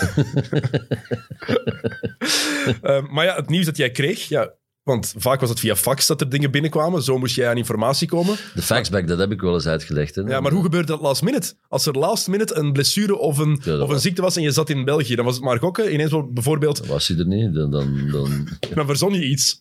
Nee, dan, dan, dan ergens onderweg stelde je dan wel vast dat eh, X, Y of Z niet meedeed, maar er was zelfs, pff, er zat, wij kregen ook geen, geen commentaarlijn mee. Dat is dan later wel gekomen dat ik die Amerikaanse commentaarlijn meekreeg. Maar dat was echt zo van, Allee, het meest legendarische voorbeeld, dat heb ik ooit al verteld, denk ik. Dat was mijn allereerste finale, was nog bij Eurosport. De legendarische finale, eh, Phoenix Suns tegen de, de Chicago Bulls. 1993. En eh, daar doen dus twee Johnsons mee. Ken het verhaal? Ja, ja, ik ken het verhaal. Vertel het nog maar eens. Damn. ik weet wat er gaat komen. dus je hebt eh, Kevin Johnson en Frank Johnson, do I know. Eh, en, en ja, Kevin Johnson is, is, is de starting eh, point shooting guard. Maar goed, do I know. Dus ik noem die hele match Frank Johnson. Omdat ik- weet ik veel. En, en dus helemaal op het eind, ergens eh, dead last minute, komt er een applausvervanging. Ik weet niet welke match het was, maar... eh allee, dus de final game. En er komt een gast op plein met F. Johnson. Dat is nu nog zo, denk ik. Als ze er twee hebben, Ja. dezelfde familienaam, dan staat er bij één zijn voorletter. Ja, op dat moment valt me een Frank van, damn, die Johnson die juist op het plein is, die heb ik heel tijd Frank Johnson genoemd, maar er komt nu een F. Johnson op, dus dat zal dan de Frank Johnson zijn. Ja, dat soort toestanden, dat was echt... Dat was hallucinant. Ik, heb het, ik, ik weet niet of ik je dat ooit verteld heb. Dat was in het Europees basket. Ik heb het ooit gepresteerd om twee ploegen te switchen. Die dus, want dat was dan, hè, want het Europees basket was bovenal saai en boring as hell. Dus die moesten ook allemaal met dezelfde nummer spelen. Stel je voor zich dat er iemand ging tussenlopen met nummer 23. 4 tot en met 15. Oh, oh, oh, 4 oh, tot en met oh, oh. 15. Dus er staan twee ploegen op het plein. Je denkt dat de ene, dat de witte, dat dat Real Madrid is en dat de gele, weet ik veel, dat dat Lissabon is. En aan de rust komt het tot de vaststelling dat ze heel de eerste time geswitcht hebt. Dat meen je niet. ja, ja, ja, ja, ja, ja, ja, ja. Ik heb ooit... Dat was bij Eurosport, dus dat was, dat was zelfs niet voor twee man en een paardenkop. Die, die, Maar kijk, fouten kunnen nog altijd gemaakt worden. Zelfs met het internet. Ehm, ik heb ooit een van mijn eerste matchen die ik moest doen, denk EK-match of voorbereiding voor het EK, de Franse nationale ploeg. Florent Pietrus speelde daar, broer van Michael Pietrus. Ja. Maar zo geïndoctrineerd door het voetbal dat ik, als ik Florent hoor, aan Malouda dacht. Heel de eerste helft heb ik die Malouda genoemd. Heel de eerste Maar helft. dat is, daar zit nu tenminste nu een logische lapsus in. Ik maakte gewoon aberrant, Gewoon verkeerd. aberrante fouten, omdat er... Weet je, en het voordeel was, ja, er was geen social, dat was al geweldig, maar niemand kon je corrigeren. Had ik, had ik, ik had het, dus, het zou een mooi eh, wetenschappelijk experiment zijn geweest als ik stelselmatig al die jaren Kevin Johnson, Frank Johnson was blijven noemen, dan was dat voor iedereen hier. Hadden wij het allemaal geloofd. allemaal geloofd. Any given story dat ik... Ze waren allemaal waar, hè, voor alle duidelijkheid. maar any given story dat ik vertelde... Hey, it was the Bible. Want Absoluut. Er was geen andere Ik bron. geloofde alles wat jij zei. Maar geen grap, We zijn er effectief. later mee gestopt. Ah, hè. tuurlijk. Toen dat je mijn baas bent geworden, is het helemaal veranderd. Toen ik bij VTM ben beginnen Nee, werken. dat was echt... eh, Rick, nooit alles geloven wat je vader vertelt. nooit doen. Niet alles geloven wat hij vertelt. Hè? Going for juice, want ik vertelde graag Ja. Verhaaltjes. goede, sappige, vettige verhalen. En daarom denk ik dat mensen daar ook zo met heimwee op terugkijken. Ergens ook het, het leukste vond ik eraan aan de combinatie tussen jou en Van Kers. Als jij, los aan het feit dat je... Ik vond je effectief, je was een fantastische voetbal, eh, basketbalcommentator. Je hebt ook voetbalmatchen gedaan. Dat is iets anders. Niet veel, ze Nee, maar. een paar. Boen-. Bundesliga, daar hebben we er een paar van in ons archief staan. Ah. Geen grap. Hey, legendarische match. Stuttgart denk ik tegen... Nee, nee, nee, nee, nee, nee, nee. Ik weet nog exact when and where. Kaiserslautern komt op. Dat was mijn allereerste voetbalmatch. Kaiserslautern promoveert van tweede naar eerste. Speelt de opening game tegen Bayern München. En eh, voetbal is rather boring als commentator. En wint die match. Ik win niet meer met veel. En in mijn gebruikelijke basket-euforie roep ik nog van... Mannetjes, mannetjes, als dit zo doorgaat, dit Kaiserslautern wordt los kampioen. En die worden kampioen. En ik kom dat kot buiten en ik weet dat de toenmalige chef mij zich, zich bij mij riep: hey, hey, jongens, deze is geen basket, hè, vriend. En we weten dat uw kennis van voetbal niet te groot is, maar deze kunnen we toch niet gaan roepen. Wim Heidbuchel. Eh, en eh, acht maanden later, Kaiserslautern, los kampioen. Hè. De- Ik denk dat dat de enige keer ooit is geweest. 1997, denk ik. Ik weet het niet. Het kan wel zijn. Maar dat dat de eerste en enige keer is geweest dat een promovendus meteen kampioen is geworden. En, eh, dus mijn voetbalkennis, Dennis, is onnavolgbaar. Dat is, dat is heel duidelijk. Ik ben hier aan het kijken. Maar trouwens. ik weet ook dat ik, als ik dan... Als ik dan... 1998. Voilà, kijk. Kijk. Als ik woorden of uitdrukkingen gebruikte, ik weet dat hem, als er gescoord werd, dat ik af en toe eens door de en hij hangt. Oh, dat vonden ze. Oh. Was not done, hè? Voetbalcommentator, dat was het niet. De, de, de, de, de poëtische vrijheid die ik mij kon veroorloven bij de basket om. om als je vandaag naar Filip Joos luistert, heerlijk, want eindelijk is de woordenschat van de voetbalcommentator uitgebreid en mag er, Mhm. mag er al eens een woord gebruikt worden dat, eh, dat buiten de lijntjes kleurt. Maar toen was het echt... En enthousiasme, hè, wat toen ook minder Oh, done was oh. in, het, eh, in, het, in het voetbal. Oh, man, als, ik- ik, als ik een woord als assist... De, ik, ik ben er ooit op aangesproken, omdat ik dus die beslissende pas Jan een assist noemde, want ja, what else? Ja, met al dat gedoe uit een basket, en lalalala, die, wist- die, En nu? die verstond daar geen hol van. Die beginnen ze al over pre-assisten, alsjeblieft zeg. Maar het leuke vond ik altijd ook aan, los van het enthousiasme, dat dan soms gecounterd werd door Door Lucien. de Lucien. Maar soms ook andersom. Lucien die voor een random play... Nooit vergeten, een finals match, ik denk in 98. Tony Kukoc saved een bal, houdt een bal binnen. En Lucien, die daar compleet lyrisch over wordt en daar vijf keer eens op terugkomt. Maar wat een save van Tony, wat een... s- En Tony Kukoc kon ook niks verkeerd doen voor Van Er is één, één legendarische scène.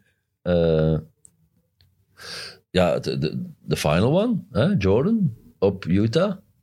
Dus met het, het legendarische shot wat de titel oplevert. En, en zo een paar keer in je leven weet je op voorhand, dit is geschiedenis. En wat is er op dat moment nog te spelen? Freak, jij zult het weten. Vijf, seco- vijf seconden of zoiets. Nee, nee, nee. nee, 5,2 nee, nee, denk ik. Nee, nee, nee, nee, nee, nee. het is 98. langer. 5,2 12, denk ik. denk ik. Want ze brengen die een bal op, up, hij dribbelt nog, hij gaat omhoog. En Stockton mist, eh, mist het shot nog. Daarna. Stockton, Ja, daarna, Stockton hè. krijgt nog een shot. daarna, dus dat kan allemaal niet in vijf seconden gebeurd zijn. Hè? Ik ga het nu checken. Ehm Zie, vroeger moest je dat allemaal weten. Hè? Nu zeggen ze gewoon, ik, ik kan checken. Dubbel, checken, hè? ja, maar ja. Kijk. Het is op YouTube natuurlijk en dan krijg je eerst reclame. Altijd plezant. Niks is een... Niks, allee, 5,2 Dan gaan we nog eens- seconden. Ah, Hup.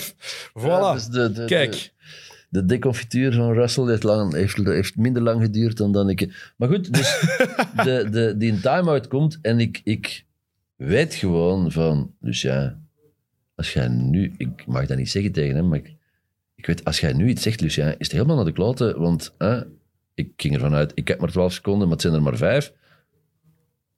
Ik durfde niet zeggen van, Lucien, nu gaat u, nu gaat u klep houden. Maar, want dat fragment is heel veel teruggespeeld in allerlei archiefprogramma's. Mhm.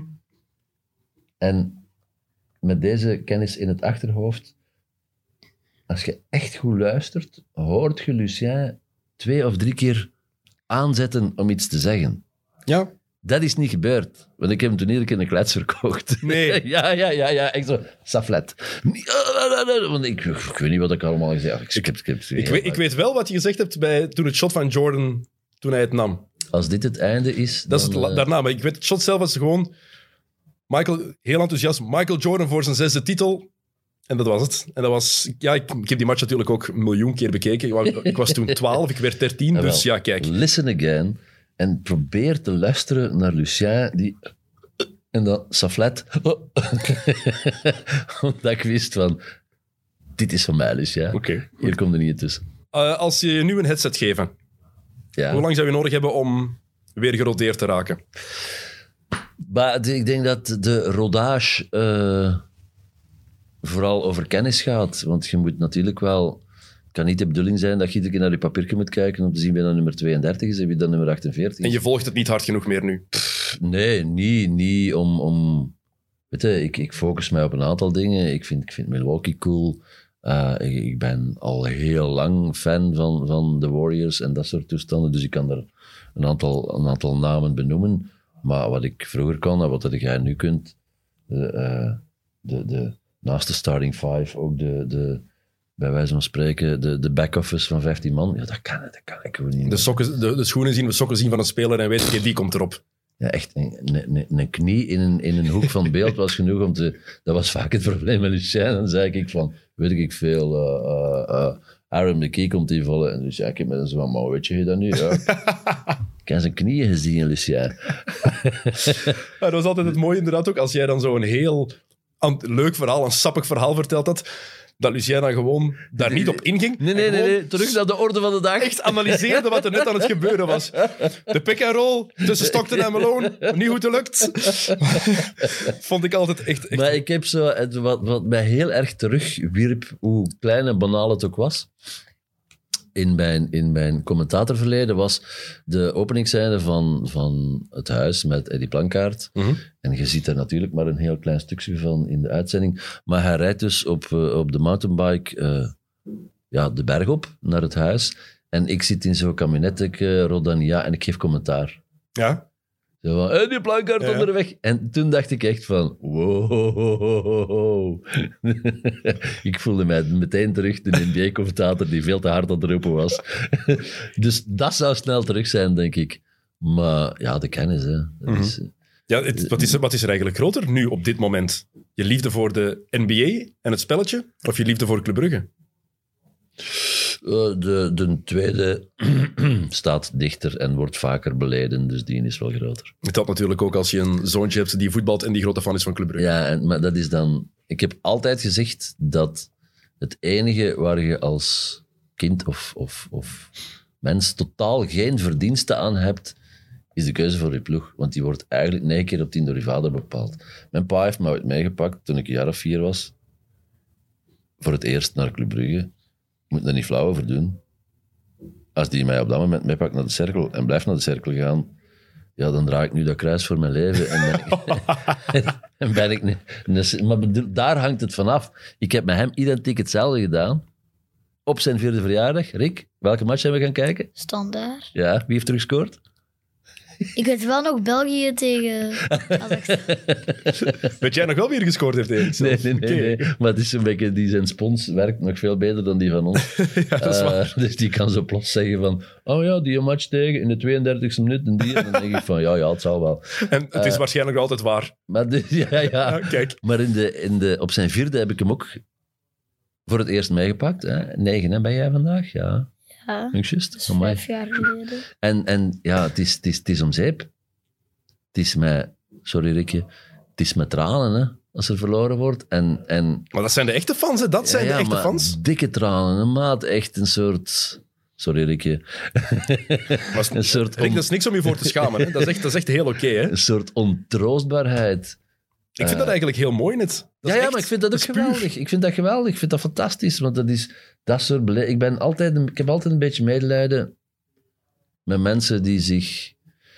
Ja, die, die, die zo geen... Hoe moet ik het gaan noemen? Sportverslaving. Alleen die sportverslaving, daar ga ik niet over. Maar die niet die uitlaat, uit- uitlaatklep, amai, wat een woord, hebben om, om naar die match te gaan, om daar te kunnen in opgaan. Om De echte daarin- beleving te voelen. Ja. ja. want dat is... Er is no such thing als wij tweeën, die tegenwoordig kunnen niet meer zeggen wanneer, maar die ergens tussen dinsdagavond en zondagmiddag naar het stadion mogen gaan. Dat is het gewoon. Natuurlijk. Top. En dat is als commentator eigenlijk net zo. Je moet die beleving helemaal voelen, vind ik. En dat enthousiasme, en zeker met basketbal is dat zo, zeker als je ter plaatse zit in een NBA-zaal waar sfeer is, Maar je, daar, je voelt dat je meedoet bijna. Dat gevoel heb je. daar, Je, je ben ik, staat... daar ben ik goed weggekomen, want daar heb ik heel lang schrik voor gehad eh, na mijn afscheid. Want wat deed in een kwiet? Elke match opnieuw, ik zette die een headset op mijn kop, volume op 10. Om, om in die match te gaan. Ja, ja, ja. Want die, die, de inleving en de beleving en het enthousiasme werd gevoed door een koptelefoon op 10. Waardoor ik redelijk hard ging vanzelf. Want ja, ik moest natuurlijk wel over dat stadion geleid. En tinnitus en zo, dat, was toen, dat moest allemaal nog geboren worden. Maar ik weet dat ik in de jaren daarna dacht, van, want ik, ik heb echt heel veel matchen gehad, dat ik, ja, zo'n match, hè, na 2,5 uur, 3 uur, volle tut in je oren, je zet die koptelefoon af en plots was dat echt zo van... Dat je zo Ah, je, je eigen hersenen hoort rondwaaien. Dus je, als volleerd hypochonder was ik op een bepaald moment echt helemaal van doordrongen van yo, yo, yo, tinnitus, here I come. Maar je bent er voorlopig van bespaard gebleven. Eh, ik kon er wel van bespaard blijven. Oké. Maar die- soms is het nodig. Ik eh, herinner me Finals Game in Cleveland. Luidste zaal waar ik al geweest was. Cleveland? Niet normaal toen. Met LeBron, dat jaar was echt... Erger dan Philly.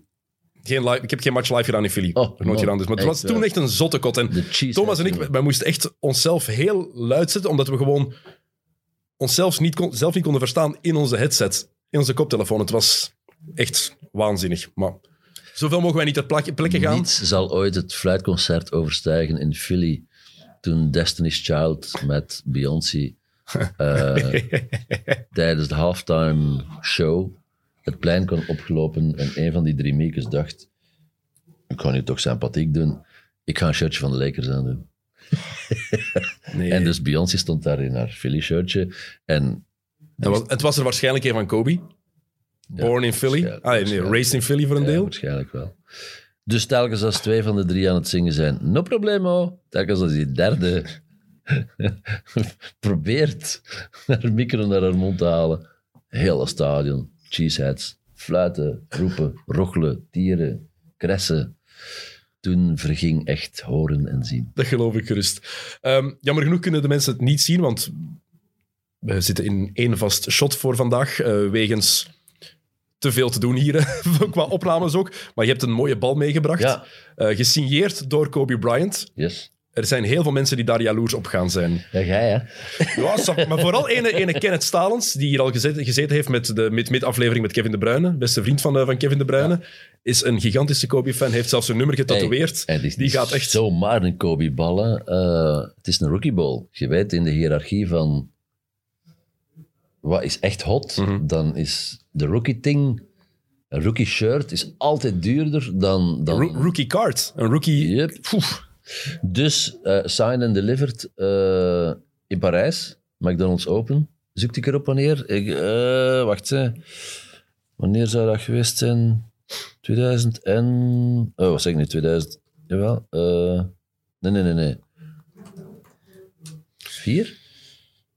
Hij is, was een rookiebal, was... eh Nee, natuurlijk niet. ja. 96 hij is gedraft in ja, ja, ja, ja, 96. Nee, ik ben helemaal, helemaal de draad kwijt. Dat is oké, hè? Omdat er later nog McDonald's zijn geweest in Parijs. Vandaar dat ik even... eh, Eh, eens kijken. Hij had nog geen wedstrijd gespeeld. Was juist gedraft, was toen 17. Mhm. straight from high school, wat toen een, een, een raal was.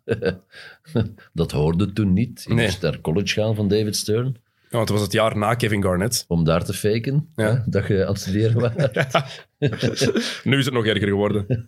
Nu is het nog erger geworden. En dus hij kwam eh, ja, een soort exhibitiewedstrijd spelen met de Lakers. Ik vraag, nee. Strules, nee, dat was tegen Jordan. Dat was, dat was 97 tegen Jordan. Dat was het laatste jaar van Jordan. Maar Kobe deed ook van die ehm, tours voor, voor Adidas. Omdat hij... eh, het kan zijn dat het daar ook door was. Het is een Adidas-bal, daarom. Dus ik denk dat... Ik zou wel eens kunnen dat hij daardoor ook eh, daar was. Want die deed echt van die Europese tours. Was het, het nieuwe gezicht van, van Adidas toen. Ik zal u meer vertellen, Dennis. Het is geen uniek exemplaar. Geen. Nee, want... Remember, George Arundel, at the buzzer, heel de nest. Ik doe een interview met Kobe Bryant. Hij was toen 17 en nog niet cocky. Oh, hij Ja, was toen was wel al cocky, maar absoluut. nog niet, zo, nog niet zo erg als later. En daar liggen, dat was, dat was echt eh, dead sentence. Hè. Dat mocht je niet doen. Je mocht nooit een handtekening vragen of dit of Nee, dat. nog altijd niet. Maar ik dacht van, hey, whatever, 17 jaar oud, kus me kloten. Eh, daar liggen vijf ballen. En je hebt ze alle vijf laten handtekenen. En alle vijf meegepakt. En vier verloot. En één bijgehouden. Ja. dus er zijn... Nog een oproep? Ik wou net zeggen, nog een oproep. mensen die die ballen hebben, die vier mensen die die Kobe-bal hebben, stuur ons. Misschien heeft de regisseur ook nog ingehouden en hebben er maar drie verloot, dat kan ook. nee, nee, er zijn er drie of vijf, dat weet ik niet meer. Maar ik weet dat ik, dat ik toen dacht van, hé hey, mannetjes, echt waar. Die ene ga ik houden. Terecht. Nog niet wetende wat er allemaal ging gebeuren. Ik ben ook nooit echt een Kobe-fan geweest. Allee? Tuurlijk topspeler, maar niet het soort... Idolatrie was idolatrie wat ik voor Jordan of voor, voor Iverson heb gevoeld. Bij Kobe zeker niet. Mhm. Alles was een beetje fake bij Kobe.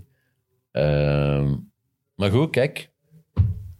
Eh, je zult zelfs zien dat er wat plekken op zijn. Want die heeft jaren in een garage gelegen. Zo van, wow, Ik ga hem even pakken. ik, heb, ik heb daar nog een getekende bal liggen. Kijk, Heb jij de, die in de garage? Ja. de Kobe-bal. Je kunt het zien. Kijk, hier de handtekening van Kobe. En ehm, Rick, ik zou er niet te veel mee botsen. nee, nee, nee, nee, ik heb hem ook gezegd, niet meer shotten. Daar ga, allee, ga je laten, dat gaat nog handig zijn voor uw erfenis. op, een, op, een moment, op een bepaald moment. Ja, ik, moet, eh, ik moet zeggen dat ik in een opwelling, ik kreeg telefoon van Play 4. Stukken van mensen, schatten van mensen. Ja, stukken van mensen. hè. En die vroegen mij, heb jij zo niks dat je zou willen te koop aanbieden? En in de opwelling zei ik van, ook heb je wel een bal van Kobe liggen, dus grote interesse.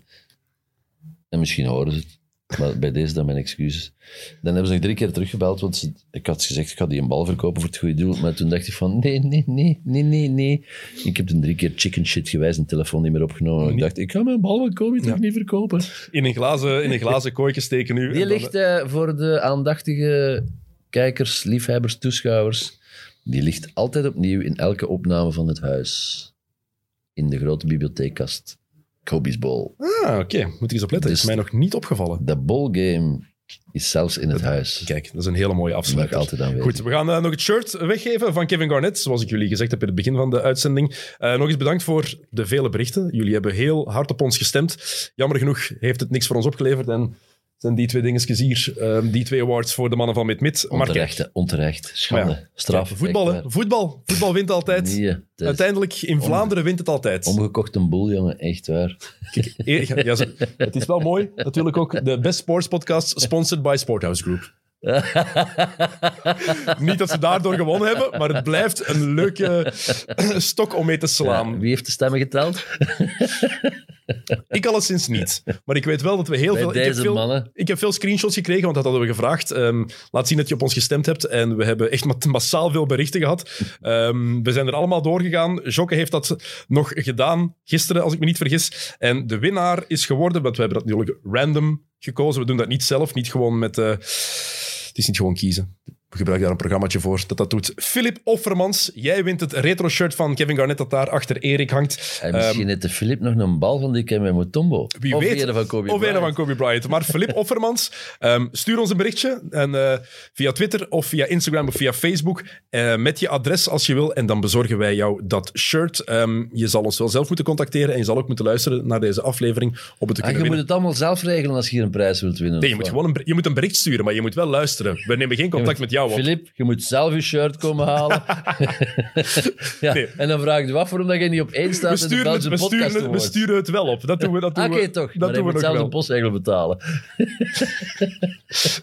Daar vragen we achteraf geld voor. Enige deelneming met uw prijs, Filip. We sturen een QR-code op en dan mogen ze dan, mogen ze dan scannen. Maar, Maar dus kijk, mooi retro wel shirt van van, guy, van, Phil- van eh, Kevin. Garnett. Kijk, voilà. Ehm, en zo gaan we hier mooi afronden. Op de, de dag na het grootste verschil aller tijden in de NBA. Ho, ho. Nadat OKC heeft verloren met 152-79.